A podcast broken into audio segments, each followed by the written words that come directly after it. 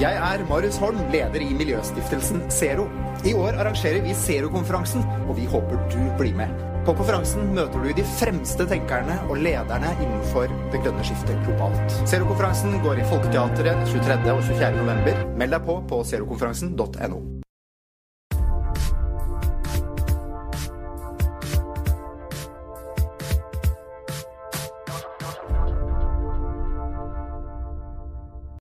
Da skal vi gå fra et selskap som eh, jobber mot det stadiet der de skal begynne å tjene penger, til noen som har tjent penger lenge, og som jeg antar òg har lyst til å gjøre det i fortsettelsen. Vi skal skifte litt fokus til den eh, den tradisjonelle norske vannkraftsektoren. Så da vil jeg invitere et eh, direktørtungt panel opp uh, på scenen her. Dere sitter litt rundt omkring, men dere kan få lov å komme opp. Vi har med oss eh, Kjetil Lund, som er direktør for klimapolitikk og myndighetskontakt i Statkraft, som eh, kommer på, opp på scenen eh, nå. Så ser det ut som Ingrid von Streng Welken sneik seg opp som andremann. Du kan Hei. Hun er konserndirektør for innovasjon og utvikling i BKK. Og sistemann er Hans Petter Kildahl, som er direktør for sustainability i Bergen Energi her i byen. Gi dem en applaus.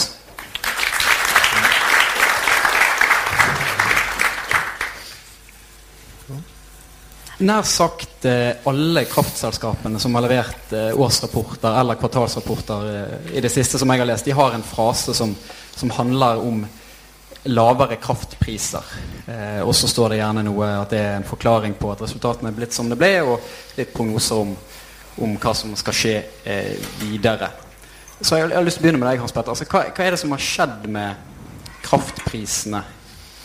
Og, og hvordan påvirker det selskapene, sånn du ser det fra, fra Bergen Energi sitt ståsted? Ja, når jeg begynte i kraftmarkedet i 1999, så var um, kraftprisen den gangen den var da ca. 15 øre, eller 500, 115 kroner per megawattime. Eller sånn ca. 14 euro per megawattime. Siden 1999 så har vi vært oppom eh, et snitt på 53 euro per megawattime i, i 2010. Og så langt i år så er vi nede på 25 euro per megawattime. Så vi har vært eh, lenger nede før. Eh, vi har vært vesentlig høyere. Og nå er vi nede på et, et nivå som oppfattes som lavt. Um, og vi har hatt en liten retur nå på hva er oppover igjen. Uh, vi har en del rammebetingelser som nok ligger uh, fast og som peker mot at uh, elektronene kan fortsette å være rimelige eller lavt priset også fremover i tid. Men hydrologien og temperatur vil alltid spille inn, og vi vil få uh, temperaturvariasjoner. Og det vil påvirke lønnsomheten, selvfølgelig, spesielt i norsk vannkraft. Ingrid, BKK har allerede varslet at de skal redusere med 150 stillinger fram mot 2020. Jeg plasserer meg litt sånn at jeg ser dere. Hvordan påvirker de, de lave kraftprisene eh, BKK? Det, jeg vet dere jobber med et strategiarbeid nå for, for fremtiden. Hvilke hovedlinjer jobber dere langs der? Altså du ser Bransjen og BKK spesielt har jo måttet erkjenne at de historisk høye kraftprisene som vi har hatt lenge, eh, er ikke noe vi kan regne med frem i tid. Eh, og det har nok tvunget oss til, eller hjulpet oss til, eh, å tenke godt igjennom hvordan det er vi strukturerer oss i forhold til å utføre den jobben vi skal gjøre. Og gjøre oss klar til fremtiden. Eh, og nettopp derfor så er en av de programmene vi har satt i gang, det er et kostnadseffektiviseringsprogram, eller et lønnsomhetsprogram, der vi skal spare 350 millioner innen 2020.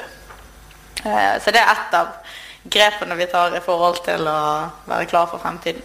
Eh, og så tenker jeg samtidig så de lave kraftprisene kommer jo både forbrukerne og næringslivet til gode. Eh, og det vi tenker rundt den biten av det grønne skiftet Det ideelle hadde jo vært om Norge som nasjon evnet å klare å utnytte den fordelen vi har med ren fornybar kraft eh, i større grad, og klarte å ta den i bruk. Det skal vi, skal vi nok komme innom eh, litt seinere i, i samtalen. Kjetil, i, fjor så kom, Nei, ikke, i fjor. I sommer så kom uh, Statkraft med det de kalte for sitt lavutslippsscenario, der dere bl.a. Uh, skisserer opp uh, hovedtrekkene og og hvilke forretningsmuligheter dere tror eh, det gir. Både Statkraft som, som eh, selskap, men òg eh, kraftbransjen i, i Norge eh, som sådan. Hva, hva, er hovedtrekkene som dere ser fremtiden? Så, så et par ord om det lavutslippsscenarioet først. I den Statkraft har jo lenge vi modellerer kraftmarkedene, utviklingen i kraftmarkedene, trendene der vil jeg si, veldig grundig, veldig fundamentalt. Og jeg å operere med ulike typer scenarioer for framtida. Det vi har gjort i år for første gang, er å ta ut et sånt scenario og lage en liten rapport av det. Eh, som, som, kort fortalt ser på hvordan kan energimiksen i 2035, den globale, se ut dersom de trendene vi ser nå, har sett de siste årene. Det handler om mer distribuert, mer sol, mer vind, eh, et mer eh, konvergens av hele energisystemet. Fortsette. Eh, og det er eh, tror, Et startpunkt for oss for å gjøre det arbeidet var at vi nok observerte at de, de analysene som var der ute, var enten var ett av to grøfter. Enten var det sånn IEA, som har fått mye kritikk for liksom ikke å fange opp det som skjer på fornybar. Samtidig som de fleste andre analyser var litt sånn what does it take-analyse. altså Du bare begynner med fasiten, og så ruller du deg tilbake til liksom, kom, ja. Mens vi var mer sånn Vi skal ikke please noen, vi skal ikke nå et bestemt mål. Vi bare ser hva om dette fortsetter, og hva om Parisavtalen faktisk blir fulgt opp. sånn at den, så Det viktigste med, med Parisavtalen i min bok er paragraf 4, som er at skal, liksom, vi skal møtes gjennom fem år, og da skal vi stramme til skrua en runde til. Eh, og vi kommer i sånne femårssykluser.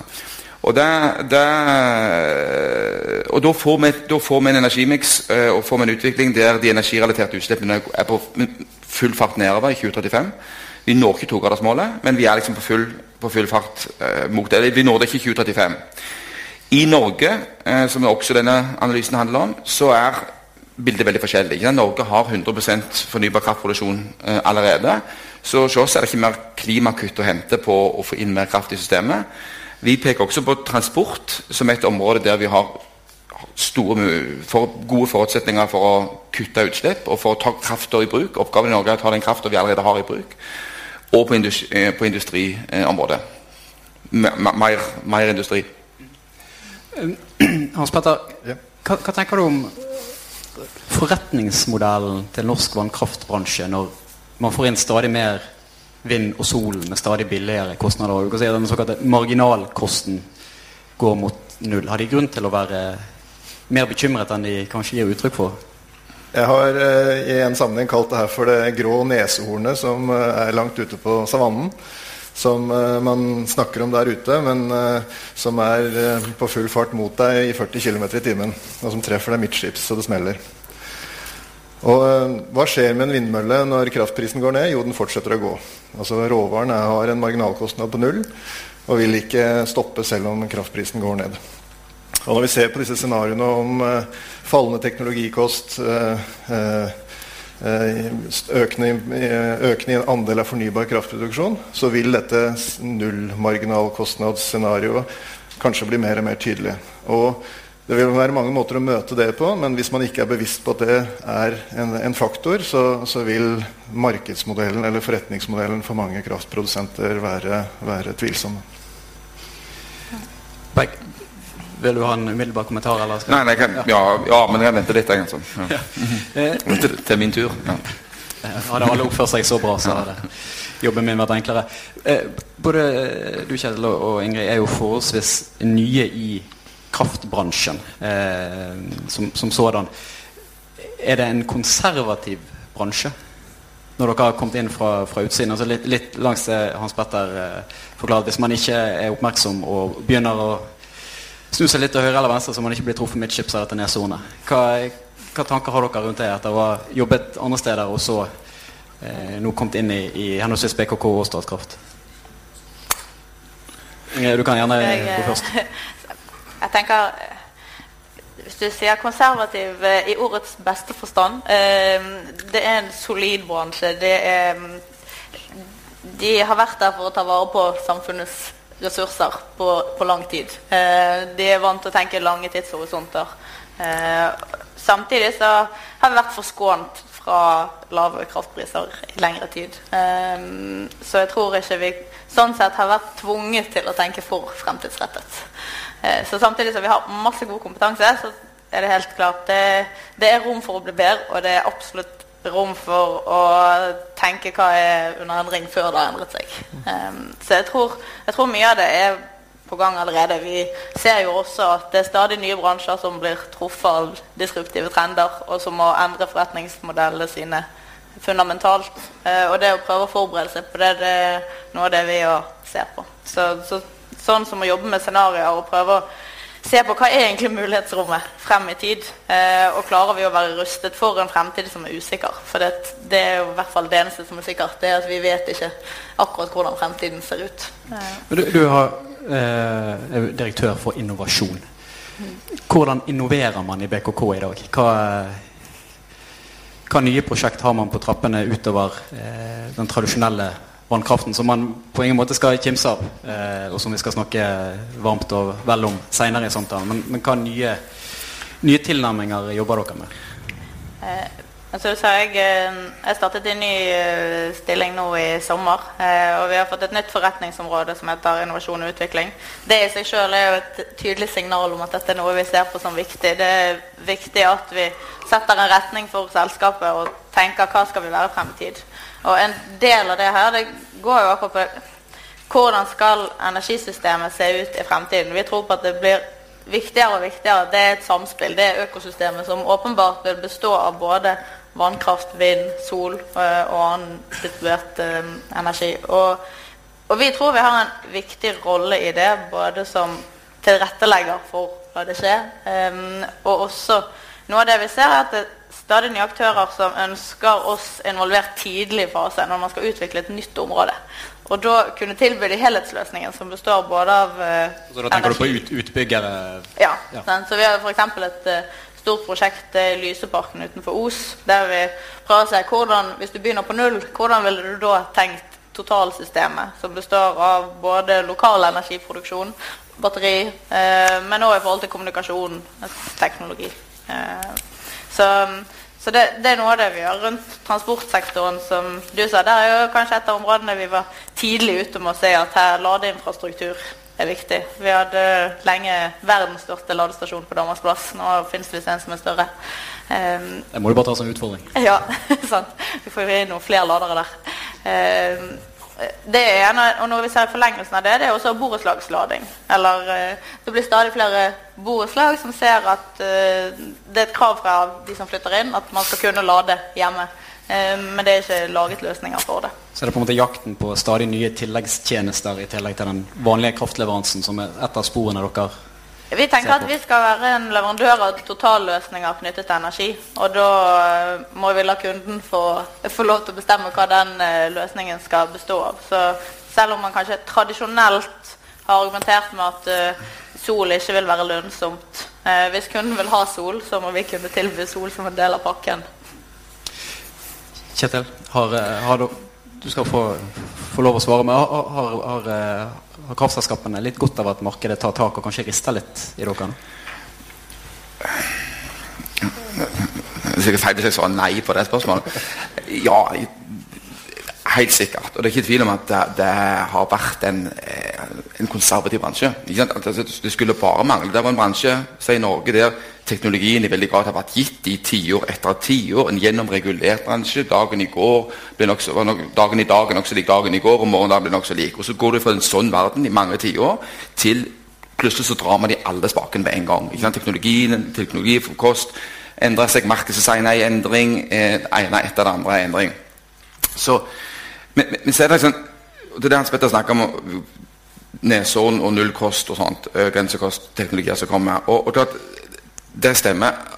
Eh, Delen av analysen, og det er rimelig å tenke seg et scenario der det vil bidra til en verden med lavere energipriser liksom på sikt. Når det er sagt, så er det, opplever jeg vår tid når alt endrer seg, at det, det er litt så fort gjort at bare folk hiver ut liksom, Alt er disruptivt, og nå skal alt endre seg, og ingenting forblir det samme. Jeg tror det er en del ting som blir det samme. alltid sånne endrende tider så snakker this time is different. En ting som blir det samme, jeg tror folk investerer på lønnsomhet og stopper å investere hvis de ikke får lønnsomhet i noe. Og Det er et par store utfordringer jeg ser med når, når, når, i en verden som alle, for å fase inn for mye sol og for mye vind. Og det ene er, Første taleren snakker om at kostnadene faller og faller. faller. Men folk investerer ikke på bakgrunn av kostnader. Hvis du, holdt snart tvert imot. Eh, hvis, hvis, du tror kostnadene faller enda lavere i morgen, hvorfor investere i dag da? Folk investerer på bakgrunn av forventa lønnsomhet. Det ene det andre er at det vil bli krevende for energisystemene å ta inn så mye jeg på å si, upålitelig fornybar. Eh, eh, som, eh, eller intermittent fornybar. Og Begge de to utfordringene, som jeg tror er liksom en samtale som kommer med større kraft i årene framover, handler om markedsdesign. og Det er nokså sånn teknisk liksom, nerdesamtale, mens jeg tror eh, og, og, og, si, vi knapt har begynt, begynt, på. Og jeg tror at vi må da finne, markeds, finne et markedsdesign som gjør at det faktisk er, løn, det er lønnsomhet i disse eh, investeringene. Eh, og der er vi i Europa i per nå i ferd med å komme et annet, plan, et annet sted. Og jeg tror det, Vår analyse er at skal, skal, skal energisystemene klare å håndtere så mye variabel fornybar kraft, som, så, og samtidig ha et, i samfunn der du har nesten null toleranse for at for kjempehøye, enormt høye priser eller at eh, systemet bryter sammen, så må vi stimulere alt det vi kan av fleksibilitet både på tilbudssiden og etterspørselssiden. Og, og, for å gjøre det så må du la prisene virke. Det handler både om karbonpriser, men det handler også om de underliggende kraftprisene.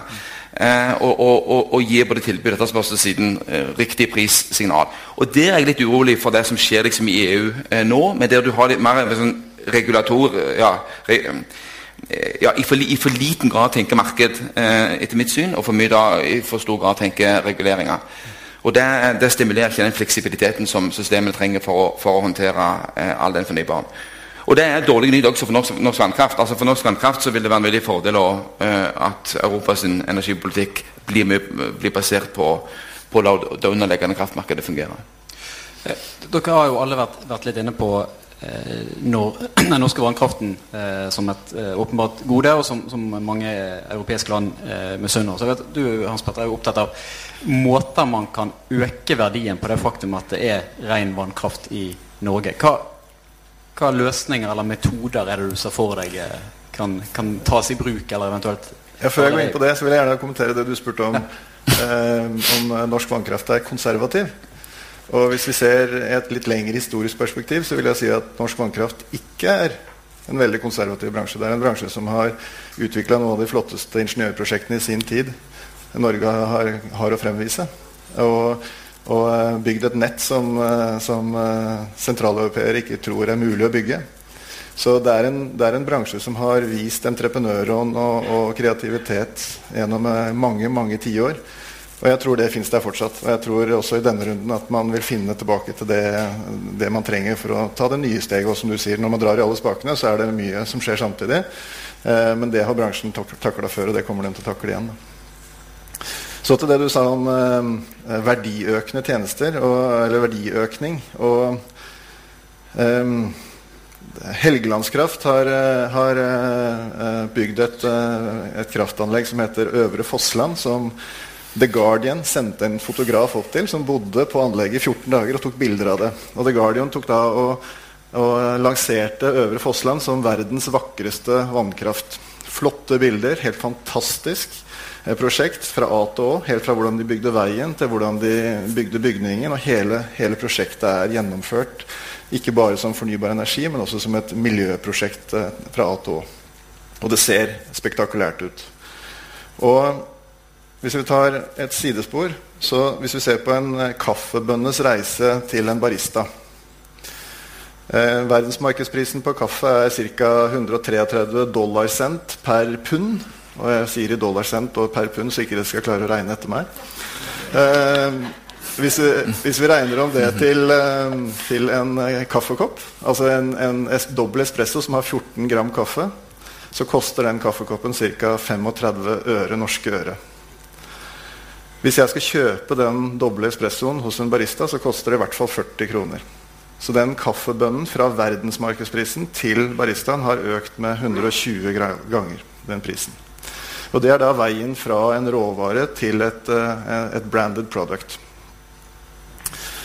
Hvis vi leser konsesjonsbetingelsene for norsk vannkraft og sammenligner med hvordan eh, vannkraft og vindkraft og annen fornybar kraftproduksjon ute i verden eh, foregår, så bare konsesjonsbetingelsene i Norge viser at norsk vannkraft har en, et fantastisk produkt. Eh, det ser flott ut, det er flott natur, eh, det produseres på en, eh, på en fornybar ressurs, og det produseres med veldig strenge konsesjonsbetingelser. Det her har en verdi utover råvareprisen. Det å produsere rene elektroner det har en verdi utover det å bare gjøre energiarbeid.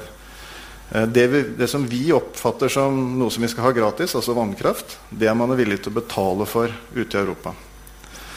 Det er omtrent som med laks. Jeg var på, eh, på Kårvatn i, i, i, eh, ja, Kårvatn fjellstue og leste i gårdsboka der om gårdsarbeiderne sine, sine avtaler med gårdeieren. Og Der sto det at uh, gårdsarbeiderne skulle ikke ha laks mer enn fem dager i uka. Laks er nå blitt et merkeprodukt. Norsk laks står det på, kjøledisken når du går rundt i, i, butikker rundt omkring i Europa. Man har klart å lage en merkevare av noe som vi i historisk tid oppfatta som noe vi, noe vi, skulle ha gratis, og som helst ikke vi skulle ha mer enn fem dager i uka. Det samme er det med disse rene elektronene. Det er en vare Eh, som Europa etterspør, og som Norge har store eh, ressurser i, og som Norge kan foredle til et produkt med en merverdi utover elektronprisen. Og Nå snakker du om det som eh, kommer som opprinnelsesgarantier?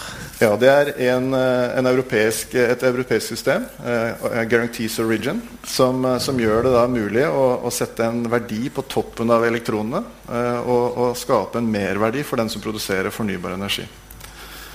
Og, og, her er det da et sporingssystem som gjør det mulig å, å, å skape forskjellige priser på forskjellige energikilder. Dette er jo også et system, dette systemet har jo sine kritikere. Det, det, det. må vi jo kunne òg eh, si. Eh, de hevder bl.a. at man selger kraften to ganger. Både til eh, nordmenn som tror man har vannkraft, og da til utenlandske aktører som kjøper disse opprinnelsesgarantiene det, det jeg, eh, Vi skal komme tilbake til deg, men jeg bare spørre uh, Kjetil og, og, Ingrid som jobber i kraftselskap. Altså, hvor, hvor, hvor, stor inntektskilde er egentlig opprinnelsesgarantier? Altså, hvor, hvor viktige er de for deres selskap? For jeg, jeg, må innrømme at I debatten så hører jeg stort sett stemmene til Hans Petter og hans uh, kolleger i, i andre mer rene meglingsforetak. Altså, jeg har ikke tall for det her nå. Jeg tror det er viktigere relative tall for de fleste andre norske eh, selskaper enn for, for, Statkraft. Men for all del, Statkraft også er aktør i det markedet. og Det er en ordning som eksisterer, en europeisk ordning, og vi er en kommersiell aktør i det markedet. og, og hva skal si, så det er viktig for dere? Så, ja, altså, sånn, ja det, det, jeg tror i hvert fall Relativt sett så er det kanskje viktigere for andre enn for oss, men, men det er en inntektskilde også, også for oss. Jeg tror, For å kommentere på det du sa, det er jo, det er jo bare å si halleluja til innledningen din. For det er jo akkurat det vi også jobber med. at å slutte å se på vannkraften som bare en hvilken som helst råvare, men et produkt som har en tilleggsverdi utover kilowattimeeffekten. Fordi den er like fornybar som all annen ny fornybar. Mm. Um, og det, det, å selge det som en pakke. Um, og så er det å si, Vi er jo positive til alt som gir vår vannkraft en økt verdi, inkludert at opprinnelsesgarantier, når de finnes, så eh, ønsker vi å tjene penger på det. Det vi kanskje lurer på, det er om uh, selger Norge som nasjon denne, denne tilleggsverdien for billig. For, uh, for potensialet for istedenfor å videreutvikle denne varen til produkter i Norge, hadde vært enda mer besnærende. Hvordan settes prisen på en sånn opprinnelsesgaranti? Er det enkelttilbud og etterspørselmekanisme? Det som er utfordringen med opprinnelsesgarantien, er jo at det er jo ikke en råvare. Eh, det er som dressskjorta dresskjorta eller en bomullsskjorte. Du har en verdensmarkedspris på bomull. Men, eh, men, jeg går ikke i skjorteforretningen og spør om når jeg ser på en skjorte og spør om verdensmarkedsprisen på bomull når jeg skal se på en dresskjorte. Da, da er det om jeg liker den skjorta eller ikke. Og sånn er det her også, at Hvert kraftverk har egentlig sin opp, altså Opprinnelsesgarantien er jo nettopp det. Den peker på ett spesifikt kraftverk. Og så spørs det om jeg som kjøper syns det kraftverket er fint, eller et annet kraftverk er fint. Så her Så dette er ikke et børsprodukt hvor man kan sette prisen på en markedsplass. Her handler det om eh, tilbud og etterspørsel eh, i, egentlig på konkrete kraftverk. Og her det, varierer det. Noen vil ha nye kraftverk, noen vil ha vind, noen vil ha vann, noen vil ha flotte bilder å plassere produktet sitt ved, osv. Men, eh, så det er en ganske stor prisvariasjon, og en ganske stor variasjon i ja, betalingsvilje, rett og slett. Men, men jeg bare kan kommentere det med å selge for billig, ja, helt enig. Eh, vi, har en, vi, har et produkt som vi egentlig ikke tror på. Eh, vi, vi, vi, har en, en, fantastisk produkt gjennom vannkraften, eh, men vi tror egentlig ikke på verdien som ligger i det ennå. Jeg tror vi kommer til å i årene fremover være, ha et stort potensial i å raffinere det som et produkt. Da. Og bruke Det også, det handler ikke bare om å eksportere det her, det handler også om å skape verdiskapning lokalt. Eh, både gjennom at det er mange arbeidsplasser i fornybarnæringa, skape, skape arbeidsplasser der, men også ved å vise at denne kraften er faktisk kortreist. Her, opprinnelsesgarantien kommer fra et fossefall som ligger kanskje noen kilometer fra der man produserer en vare. Eh, grønt batteri det er et eh, begrep som brukes ofte sammen med, med norsk vannkraft. Og eh, Du var jo òg inne på det, Kjetil, med altså, mengden u, eh, intermitten, som det heter på godt nynorsk. Altså eh, kraftkilder som varierer med, med været. altså Solen går ned og slutter å, å blåse. er krevende for, for kraftnettet å uh, håndtere, og man, man trenger uh, magasinmuligheten som norsk vannkraft uh, tilbyr. Hvordan, nå har jo Stortinget åpnet for at private kan bygge kabler til eh, kontinentet. og Det er i hvert fall ett konkret prosjekt som heller rutter eh, mest på, på Sørlandet, som, eh, som er, er, er, på trappene. Så får vi se om, om, det blir noe av. Men er det noe Statkraft vurderer i større grad? Altså at, at bransjen bygger egne overføringskabler? Nei, det hvor, hvor viktig vil en hvor viktig er tett, en tettere forbindelse til kontinentet? er vel egentlig bedre spørsmål. Ja, nei, Det er ikke tvil om at, at det er eh, vil jeg si, en, en, en, fordel jo bedre bærekraftflyt du får fra Norge eller fra det nordiske markedet til, til Europa. Det er jo en måte å, eh, for oss å, å ha mulighet til å tjene eh, penger i når, når, prisene er sånn. Jeg tror, jeg tror likevel at med alt den nullgrensekostnadsproduksjonen eh, som du får inn i Europa nå, så, så er den samtalen om, om, om, hva som skjer med prisene eh, når du får flere kabler, litt mer komplisert, litt mer nyansert enn, en sånn den var før. Men det kan bare være en, en, en fordel. Eh, og så mener jeg at norsk vannkraft, regulerbar vannkraft har veldig mye å tilby også når, når eh, de andre europeiske landene står overfor den store oppgaven det blir å, å avkarbonisere sin kraftsektor. Eh, fordi da med så mye eh, intermittent, upålitelig fornybar kraft, så, så, bør det være gode muligheter for, for, eh, for den, det store batteriet vi har. Det er ikke nok til å gjøre hele den jobben, for all del. Tallene går ikke opp eh, i så måte. Men at, at, at norsk regulerbar vannkraft, med sin 50% av det vel Europas lagringskapasitet vi har, at det har, kan gi et viktig bidrag til den jobben, ikke tvil om det. Hvis vi holder oss i Europa litt sånn til før vi, før vi eh, vender blikket hjemover. Eh, du hadde et leserinnlegg eh, hos oss i Sysla for et par ukers tid siden der du tar til orde for en karbonpris. Gulv. Gulv. Takk. Mm. Eh, kan ikke du forklare litt altså rasjonalet bak eh, et karbonprisgulv, også eh, sett opp mot det kvotemarkedet som, som eksisterer i dag? Fordi at det vil jo òg påvirke det overordnede kraftmarkedet i, eh, i, Europa. Og igjen det norske. Så, så resonnementet er at så, vi, så, så, Europa var veldig tidlig ute med å etablere et, et klimakvotesystem, ETS, som eh, eh, så, fungerte en stund ganske bra. Finans, etter finanskrisen så fikk det seg en ordentlig knekk. Kvoteprisene gikk rett i gulvet, og siden har de så å si bare fortsatt nedover. Det er mange grunner til det. Lavere økonomisk aktivitet i Europa, finanskrise, økonomisk krise. Men òg at man har vært for si, raus med kvotene. Eh, og, det, eh, også, og, i kombinasjon med at i Europa så har, man hatt en, en bråte med andre virkemidler, subsidier eh, og med videre. Der man i grunnen hadde bare hatt behov for ett, en skikkelig karbonpris. Men så har man hatt et helt sett med verktøy som skal nå det samme målet. Og det er istedenfor å styrke hverandre, så å si sparke beina under hverandre. Eh, og du har nå et, et, et, en, kvote, en ETS som ikke er det som driver fornybare investeringer. Og som er så lav at den over tid Nå har den gått litt opp helt i det siste med de høye kullpriser, men som de siste som årene har vært så lav at den så å si setter hele systemet i, eh, i vanry. Og så har vi sett at det er vanskelig å få stramt til det systemet. Nå er det en prosess som foregår denne høsten, for å, å, en revisjonsprosess for å prøve å stramme til og, og, altså øke eh, hvor mange kvoter en drar inn hvert år, sånn at du får, eh, får eh, lavere utslipp eller mer, mer klimakutt og høyere pris. Det er, det er, et strekk i laget her mellom Øst-Europa og, og Vest-Europa. Eh, og Det kan man godt forstå. Eh, mye mer avhengighet av, av, av, av kull i Øst-Europa, arbeidsplasser med videre.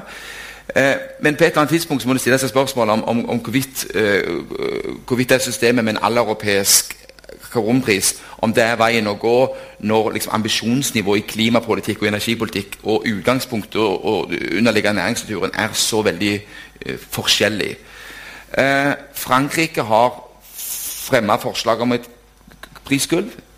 UK, så det vil hete, Storbritannia har innført det med, med stort hell. på å si. California som har, har innført det. Eh, og jeg skal si, skrev et leserinnlegg som du sa, og antyder at det er noe en bør vurdere eh, også, i, også, i, Europa. Jeg tenker som ordfører dere at eh, ja, det er komplisert om uh, hvordan man skal legge subsidieordninger. Men sånn, generelt sett tenker jeg at CO2-pris det vil jo eller det vil jo være en måte å sørge for at det koster noe å forurense. Eh, og dermed vil favorisere alt som er fornybart. Og til mer like markedsvilkår. Så jeg tenker at fundamentalt sett Får du til et kvotesystem som setter en riktig CO2-pris, sånn at det er forurenser som betaler, så vil det også løfte frem fornybarmarkedet eh, på en fornuftig måte. Litt i forlengelsen av det dere har sagt om eh, altså subsidier og, og reguleringer. Er dere det som har, har, vært et tema nå i Norge i det siste, er jo de grønne sertifikatene. Er, det, er dere fornøyd med at de fases ut? Ja, vi er prinsipielt uh, imot uh, subsidier og for et uh, åpent marked der vi kan konkurrere til på like vilkår. Så. Ja, altså, he helt klart fornuftig å avslutte de grønne sertifikatene. Vi har en overskuddssituasjon i, i nordiske kraftmarkedet framover. Og det er, det er noe med sant, Hvis tanken er at det skal være klimapolitisk virkemiddel, så er vi altså, altså Vi har ikke utslipp fra kraftsektoren i Norge for alle praktiske formål. Sånn, et tips for klimapolitikken er å innrette den der som faktisk er utslipp, ikke der som det ikke er noen utslipp. Eh, og når du, har, eh, når du da har null utslipp, du har et overskuddssituasjon, og så bruker du fellesskapets penger, om du vil, eller skattebetalernes penger, eller bruk den terminologien som passer best til dine politiske preferanser, bruker det på å subsidiere inn enda mer fornybar kraft i en sånn situasjon, så eneste virkning er å presse de allerede lave prisene enda mer ned. Presse ut lønnsomhet, investeringskraft i en allerede pressa bransje som til alt overmål er ja, for alle praktiske formål offentlig eid fra før av. 100 mer eller mindre, Og som fram til nå har bidratt til å finansiere disse felleskassene lokalt, regionalt, eh, eh, statlig. Så du, så du bruk, altså det, det, er vanskelig å tenke seg mer målrettede tiltak for å liksom, for å bli fattigere. Det er sånn utgift til utgiftservervelse. Så det er helt åpent og fornuftig i en sånn situasjon å slutte med de grønne sertifikatene. Og, og for alle, ja, ferdig snakka. Ja, ja, ja. jeg er helt enig med deg. Vår største utfordring da, er jo kanskje spesielt i vårt prisområde. Vi har nesten dobbelt så stor produksjon som vi har forbruk. Mm. Eh, og det gjør jo at prisene blir kunstig lave. Og da pøse inn eh, enda mer kraft, det gir bare enda lavere priser. Og i et sånt grønt skifte så tenker jeg at I Norge så er det rart om ikke vannkraft er en del av et grønt skifte. Um, men med så lave priser som vi ser frem i tid, så er det jo til og med utfordrende å regne hjem vedlikehold av vannkraften. Mm. Men jeg håper å si, Kjetil, altså, med det resonnementet dere skal like fullt bygge vindkraft eh, på Fosen, det er det plass til? Ja, altså vi, vi som kommersiell aktør uh, gjør kommersielle beslutninger. Og, ja. Men noen spør oss om, så, om, den ordningen bør fortsette etter at, etter at den perioden som allerede er bestemt. Så sier vi at det syns vi ikke er et godt forslag. og Vi syns det, det, det, er et forstandig forslag som regjeringen la fram i sin energimelding, og som Stortinget slutter seg til, at vi ikke skal ha det eh, etter at perioden er omme ut 2021. Og, og, og til klimapolitikken, at klimapolitikken i, i Norge virkemidlene der bør heller rettes inn i hvordan kan vi ta vår fornybare kraft, vår utslippsfri kraft, bedre, sette den bedre i arbeid for å kutte utslipp i andre deler av økonomien, i prosesser som i dag er eh, fossile. Eh, og det, eh, det, er det norske utslippet er. Og det er også bra for, for norsk kraftbransje. Da får du sett den fornybare kraften vår bedre i eh, arbeid enn i dag. Barmor, eh, Hans Petter, og Før du eh, slipper til, så hvis det er noen i salen som har spørsmål, så kan de begynne å rekke opp hendene nå før vi eh, går inn for landing i, i siste bolken. Eh, på dette. Vær så god. Ja, Elsertifikatsystemet det ble jo uh, utreda fram mot 2003-2004 i Norge. Og da var det mye snakk om at det var et kraftunderskudd i Norden. Mm. Så da var det her et insentiv for å få mer fornybar kraft inn i et system hvor man så for seg at det skulle være en 8-10 TWh med underskudd i Norden. Og da hadde det jo en hensikt. Da var det et poeng. Og så ble det lagt til side i 2004, og så ble det tatt opp igjen i en situasjon hvor man egentlig så for seg et kraftoverskudd. Mm. Så logikken henger ikke helt sammen i forhold til det som var intensjonen tilbake i 2003. Og hvis, Intensjonen er jo å få mer fornybar kraft inn i systemet. Og det har det fungert som. Det har virkelig levert på det. Uh, utfordringen nå på mange måter er jo at det blir 5-0 til Sverige. Det er Sverige som på en måte tok, uh, tok uh, all produksjonen, og så sitter Norge igjen med en god del av, av, av, av, betalingen, for å kalle det det. Så at, det er jo noe med at skal man ha balanse i det, så må man la systemet virke kanskje litt over lengre tid. Jeg har lyst til å avslutte litt med å se på strukturen i bransjen, og spesielt med litt uh, fremtidsblikk på. Så, uh, har vi for mange små F.eks. ta nettselskap. Eh, fra, jeg mener jeg så en gang at fra si, Lyse i Stavanger og opp et stykke i Sogn og Fjordane så er det 30 ulike aktører. Og BKK er jo med i dette som heter Vestlandsalliansen, som jeg antar er et forsøk på å samsnakke deler av virksomheten. Bør man se på konsolideringer her?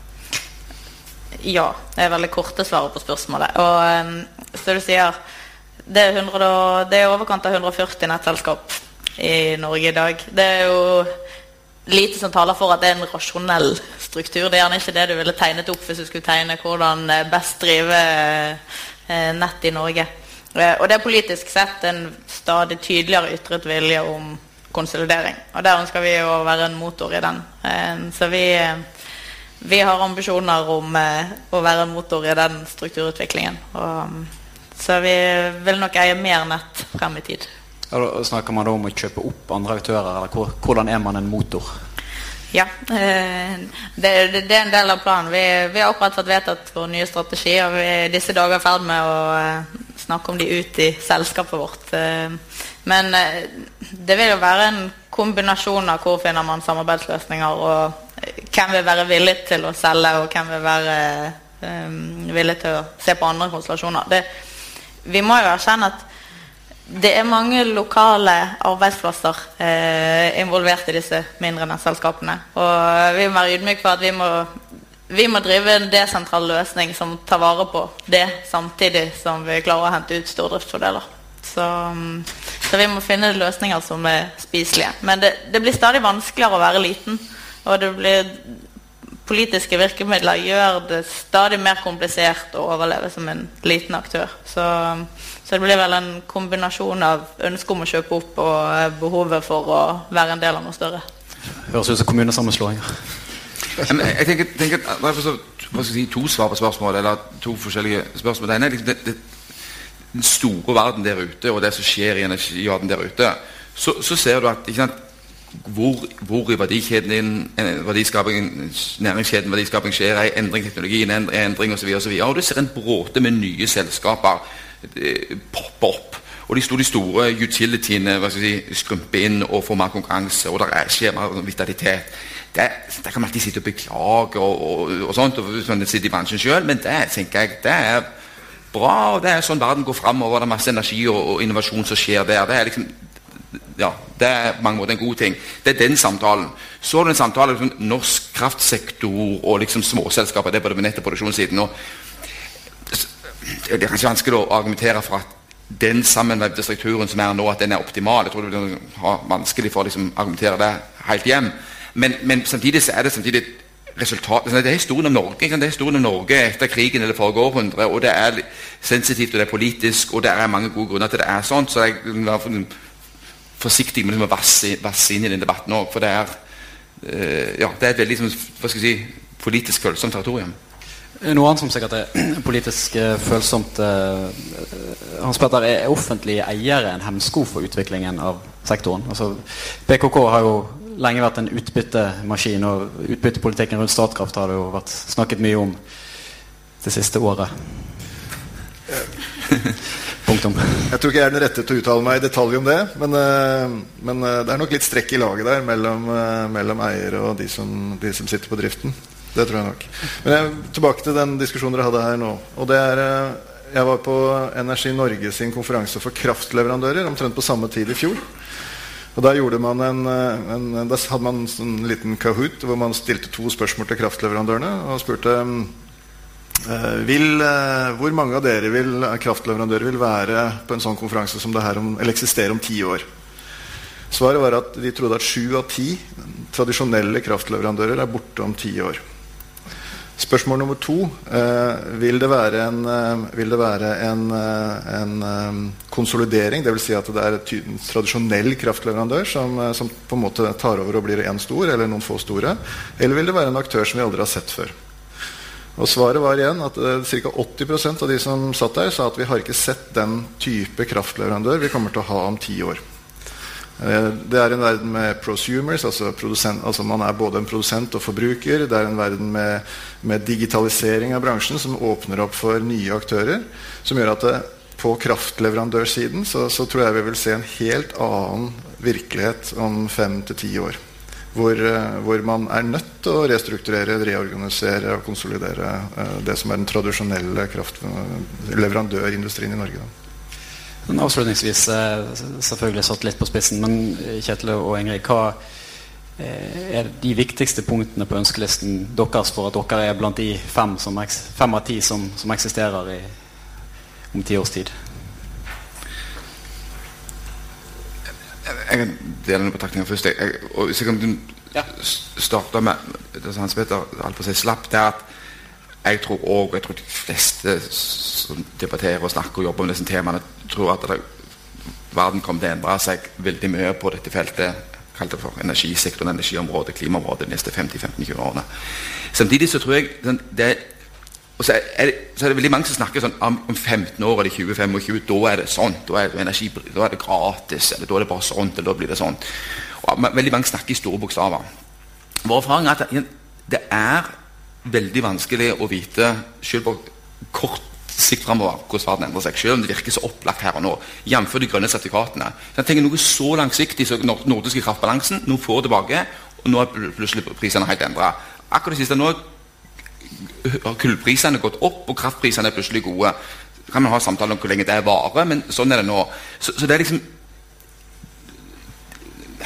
det å være veldig skråsikker på sånn, nei, nå skal du høre hvordan verden blir i 2025, det skal en være liksom forsiktig med. Selv, men, men, veldig mange driver med det. For sånn, sånn, i våre dager er det veldig sånn populært å sånn, snakke liksom, ja, i en tid i endring så, så, så, er det liksom fri, fristed for folk som bare sier sånn, nå er alt disruptivt og wow, wow, wow, sier sånn kule, catchy ting. Så får man så, ja.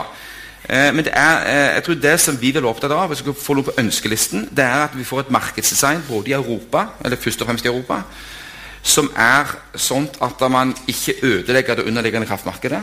Som er sånt, eh, og, og det man lar prissignalet, kraft, prisene virke i, i, i kraftmarkedet. Uh, og få et velfungerende karbonmarked som setter skikkelig pris på det å ødelegge klimaet vårt. Og Det vil også øke lønnsomheten for de som produserer utslippsfri kraft. Og at vi får en stabilitet i rammevilkårene si, både i Norge og, og i Europa. Det er vel i hvert fall to-tre eh, punkter på ønskelisten.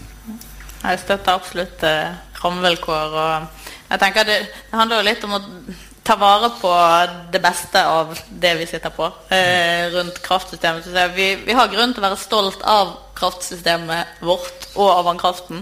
Eh, og jeg, Hvis det er noe vi ønsker oss, så må det være til at det legges til rette for at mer av vann blir brukt i Norge. Mm. Sånn at man uh, får kraftkrevende industri til Norge for å produsere grønne produkter. Sånn at det, det grønne skiftet bør bestå av mer fornybar energi og grønne arbeidsplasser. Eh, og helst bør begge deler havne i Norge. Veldig enig i det. Det nikkes.